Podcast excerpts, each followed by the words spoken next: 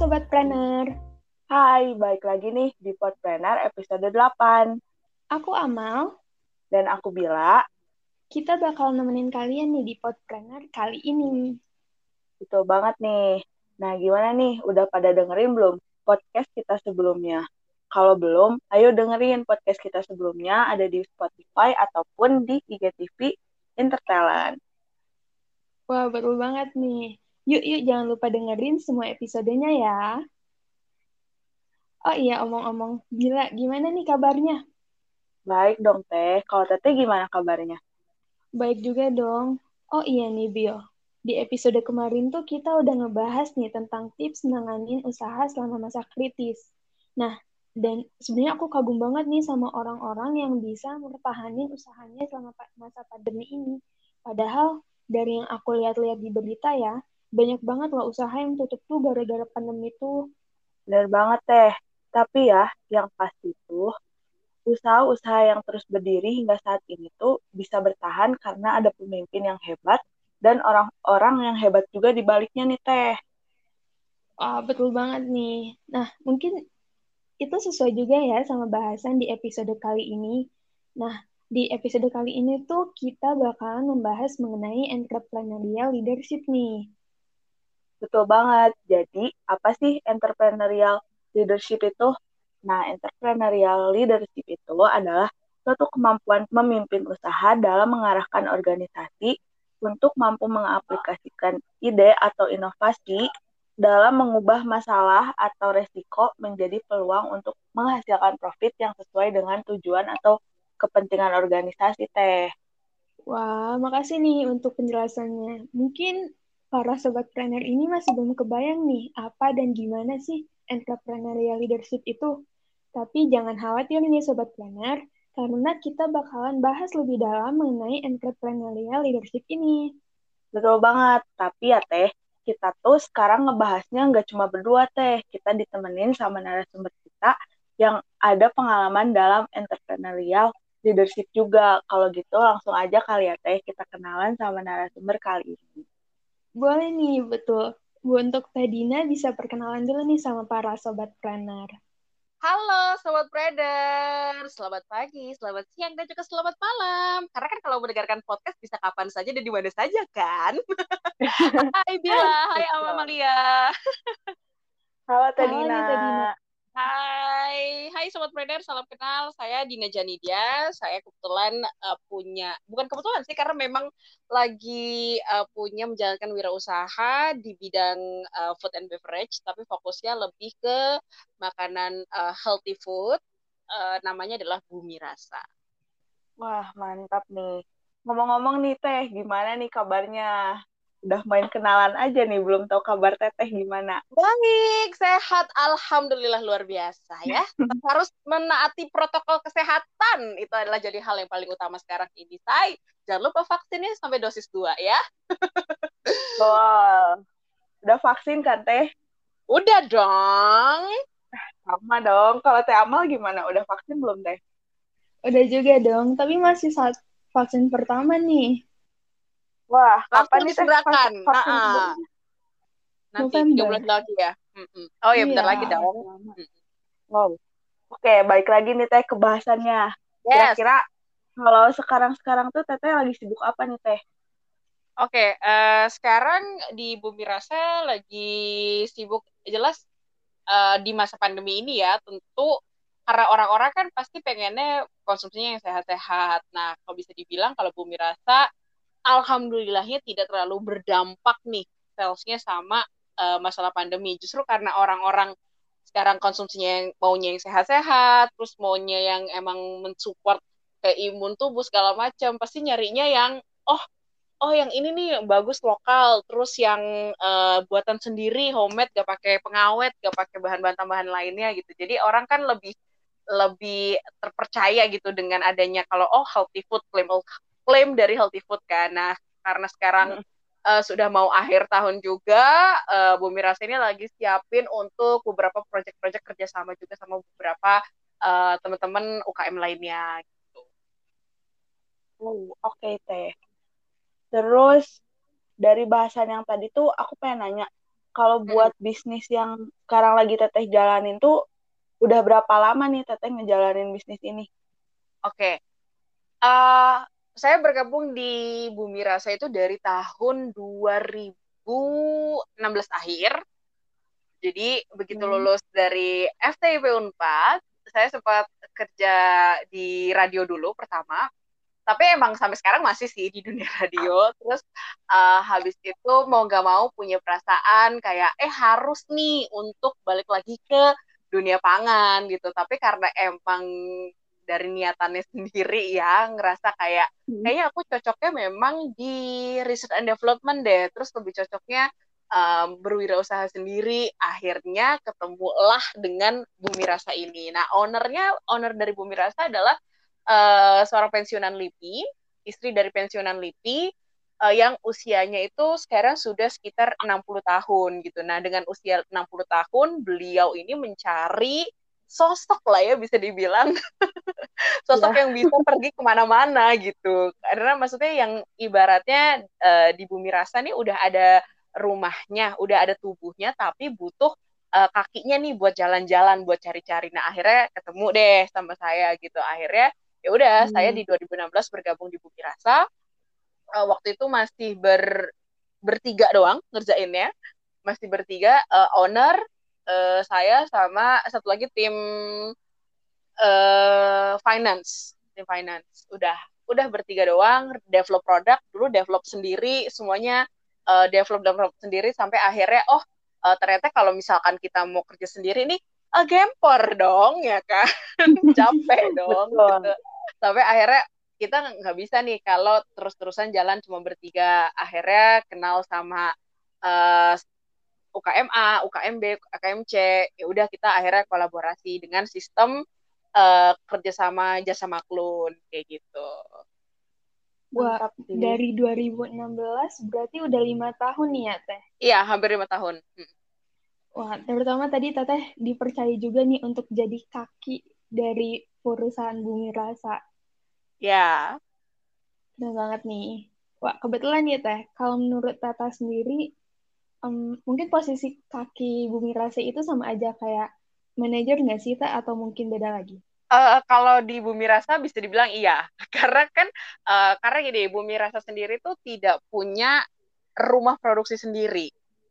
Jadi mau nggak mau, apa yang dihasilkan dari Bumi Rasa itu dikerjakan oleh mitra-mitranya Bumi Rasa kalau uh, misalkan Bumi Rasa jadi kakinya, mitra-mitranya ini kan bisa dibilang jadi uh, bagian tubuh yang lain ya, kayak tangannya gitu kan, kayak um, badannya juga gitu kan bisa jadi bagian dari Bumi Rasa. Nah, kenapa uh, tadi kan kebahasnya soal leadership ya kan, apalagi wah itu sih penting banget ya kalau misalkan kita punya uh, ide usaha tapi kita nggak bisa ngerjain sendiri gitu ya, kita pasti harus mencari mitra yang cocok sama kita ya dong kalau nggak cocok sama kita kan nggak bisa jalan gitu. Misalkan uh, kayak Bumi Rasa nih Bumi Rasa tuh uh, fokusnya di healthy food. Healthy foodnya seperti apa sih? Healthy foodnya uh, Bumi Rasa itu mau ambil dari lini uh, produk bumbu-bumbunya. Karena ngerasa kayak oke okay nih kita sayur-sayurannya udah organik udah uh, lokal semua. Eh tapi pas kita masak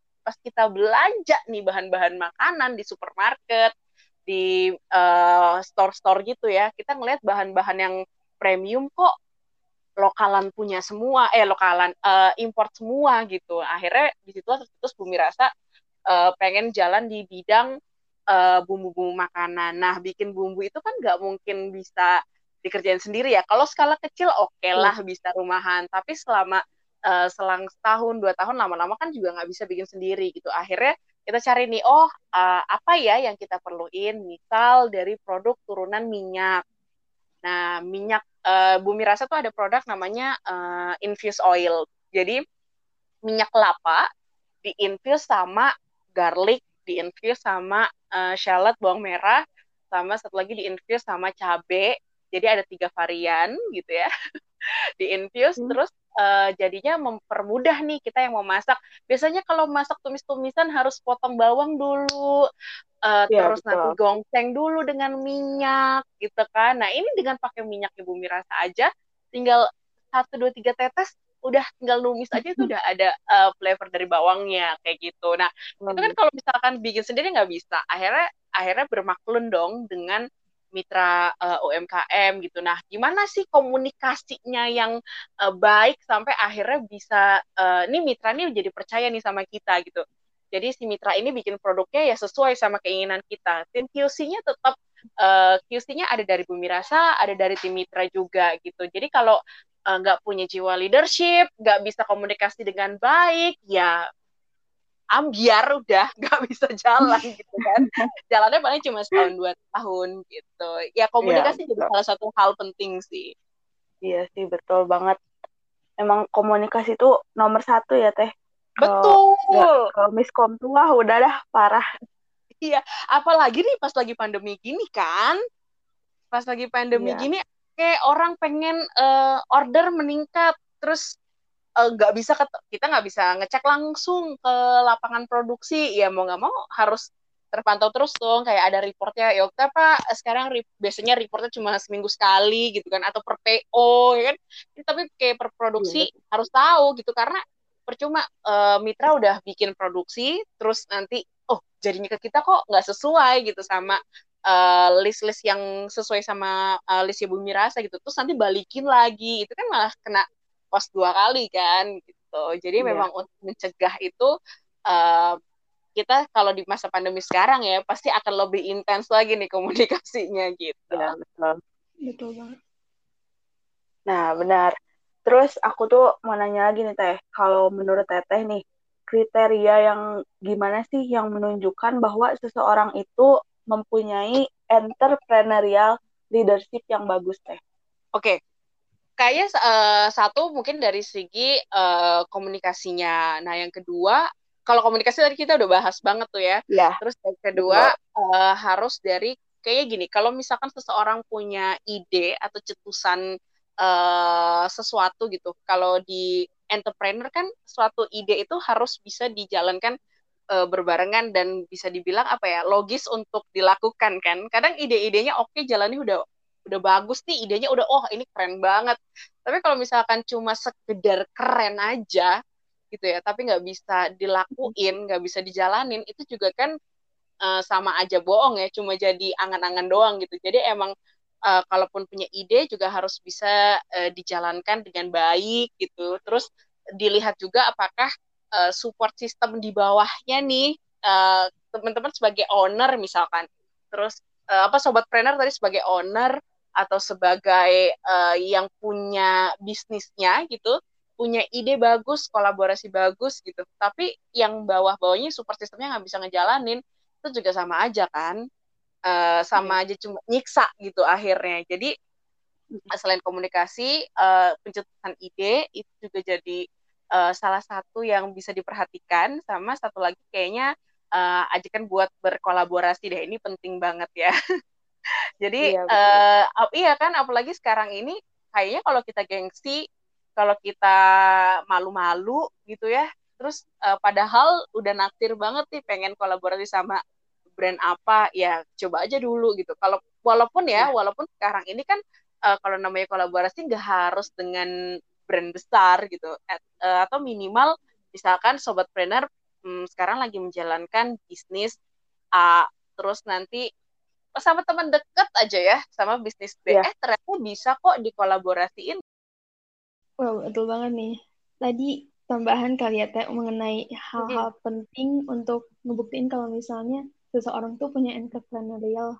leadership yeah. yang baik dari yang bisa logis untuk dilakukan ya yeah. itu dan juga sama peka sama support sistemnya gitu ya teh? Benar justru malah apa ya kalau percuma nih bikin udah gong banget misalkan idenya tapi yang bawahnya nggak di briefing dengan jelas atau tidak dipaparkan dengan baik gitu kan nanti ujung-ujungnya juga mentok doang nih nggak akan maksimal gitu maksudnya tim di bawah tuh bisa termasuk uh, dari sistem digital ya. Kalau sekarang kan kayaknya semuanya serba digital gitu. Kayak misalkan udah punya ya, ide kolaborasi bagus tapi kayak di sosmednya promonya kurang ya anyep juga gitu. Yang tahu cuma scan sedikit orang doang gitu kan. Sayang banget. Betul banget nih. Oh iya nih, mengenai tadi mungkin Teh Dina sendiri udah bilang nih Ya. untuk jangan sampai nyiksa karyawan-karyanya. Kalau Teh Dina sendiri gimana sih gaya mimpin bisnisnya ini? Aku nyiksa karyawanku. Oke, kalau gaya bisnis yang dilakukan di Bumi Rasa itu tadi kita pakai sistem maklun. Jadi eh, Bumi Rasa ini punya eh, sekitar sebentar, sekitar lima eh, lima produk, lima produk utama, lima produk utama dan eh, turunannya tuh ya lumayan banyak gitu. Di mana eh, tempat lokasi pabriknya itu kan beda-beda. Jadi ada di Sukabumi, di Sukabumi Bumi Rasa itu produksi eh, sagon bakar. Tahu nggak sagon bakar itu eh, cemilan yang dari kelapa sagon sagon. Ya, Kalau sobat pernah pernah, pernah dengar ya, yang kalau dimakan kan dia hancur tuh, Iya. ya kan? Nah, tapi di Bumi Rasa tuh dibikin gimana caranya ini nggak nggak hancur gitu ya di mulut, tapi jadinya eh, jatuhnya kayak cookies gitu sih sebenarnya. Tapi bukan cookies, Iya. tapi kalau nama nama bulenya tuh biscotti. Terus produksi sagon aja itu di eh, Sukabumi. Terus ada juga itu itu dari segi snacknya ya.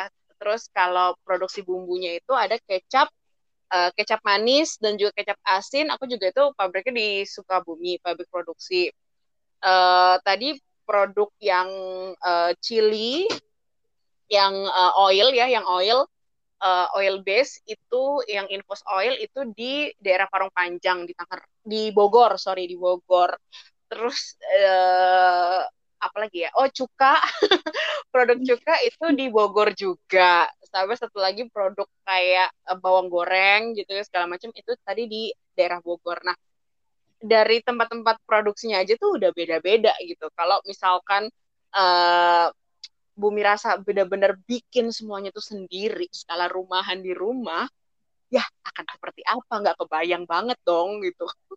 Jadi selagi kita punya idenya bagus gitu, terus kita bisa mengembangkan skalanya ternyata jalannya adalah dengan jasa maklun, itu bisa jadi salah satu cara untuk memecahkan solusi dan selain uh, balik lagi ya, aku senang sih kalau uh, belajar juga sama teman-teman yang dulu kayak di zaman kuliah itu aku kan nggak terlalu into banget ke kewirausahaan ya.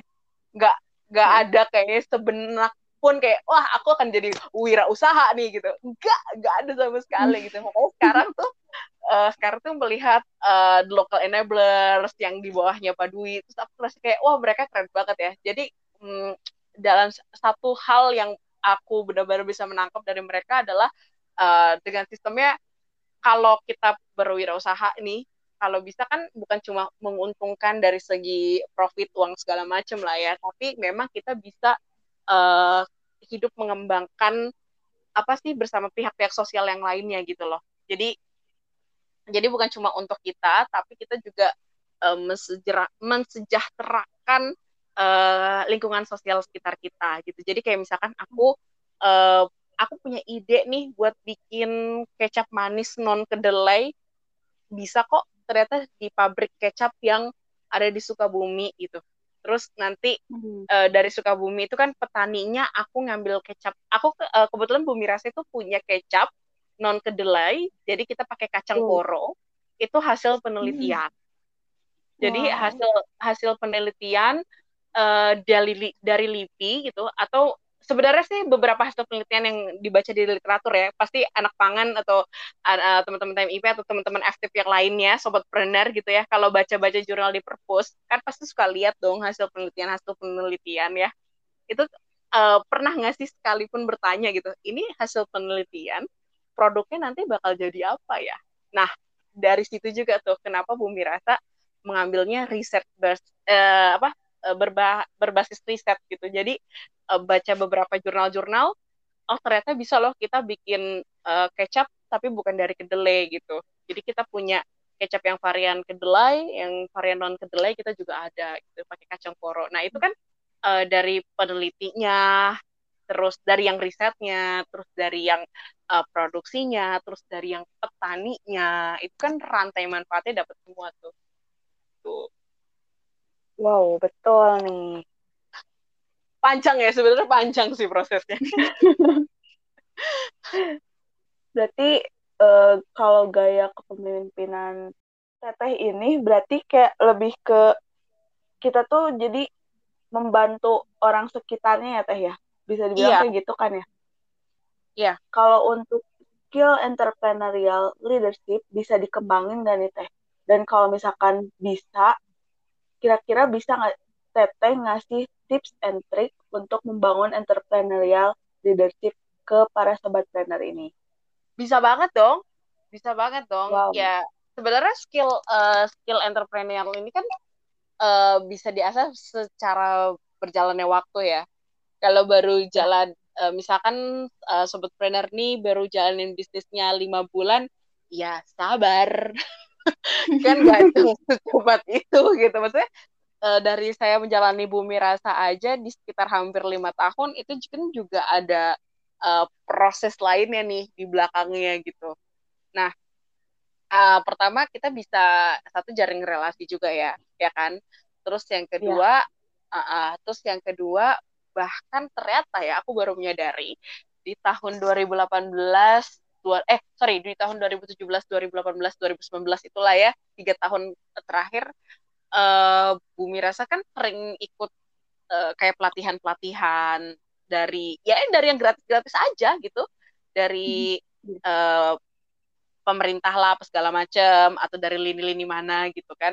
Nah ternyata kan itu kenal jadi kenal ya wirausahawan yang satu sama yang lainnya itu bisa jadi uh, jaringan gitu kan networking. Terus yang kedua uh, karena kita kenal tadi kita jadi tahu nih lini usaha bisa dibilang ya entrepreneur yang lain tuh apa hmm. aja sih gitu. Jadi kita bisa oh boleh juga nih gitu. Bahkan bisa jadi inspirasi juga untuk bikin idenya.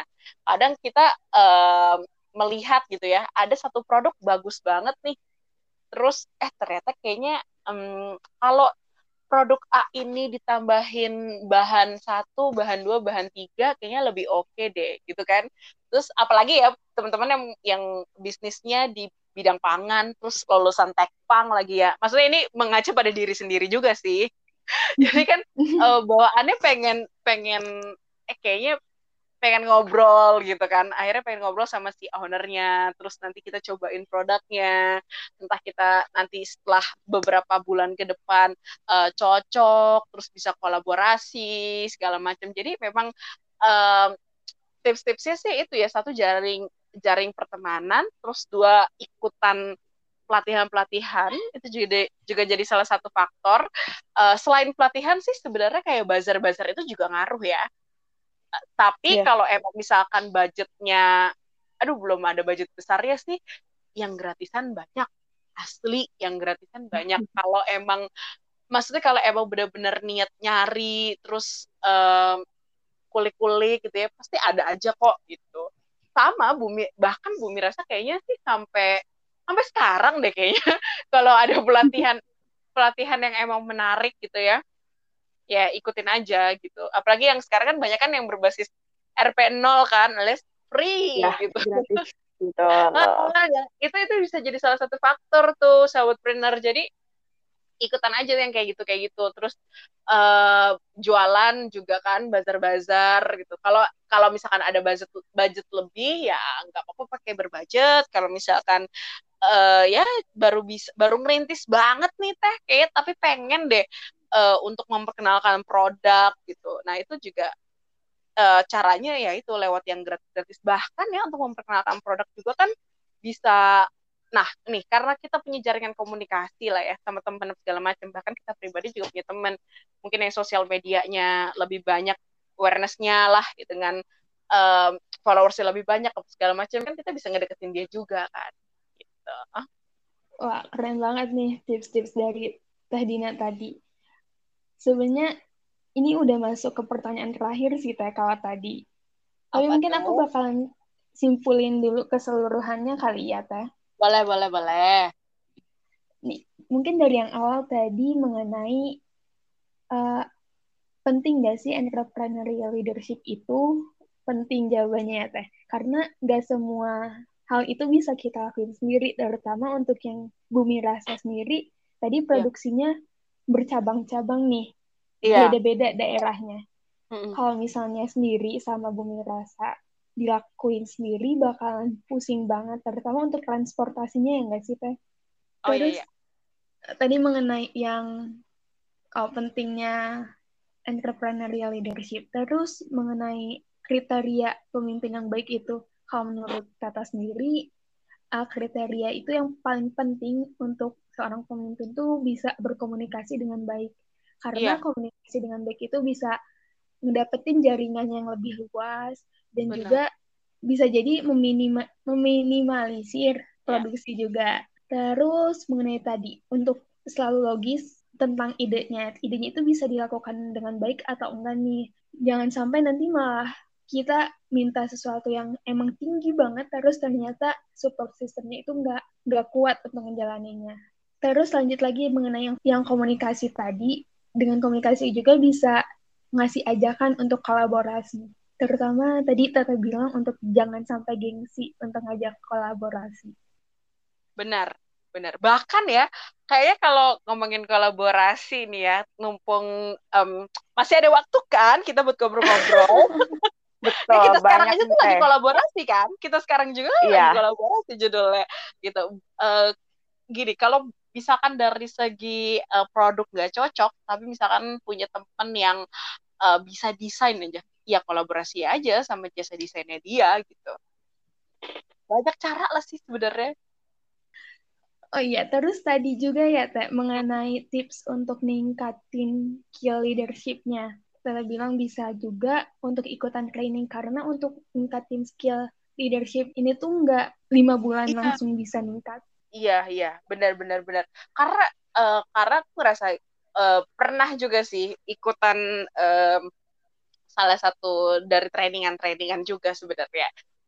Uh, kalau kita ikutan training segala macam leadership gitu kan, kalau kita sehari dua hari datang ke acara trainingan gitu pasti yang terpacu iya sih terpacu banget selama dua hari itu. Setelahnya apa?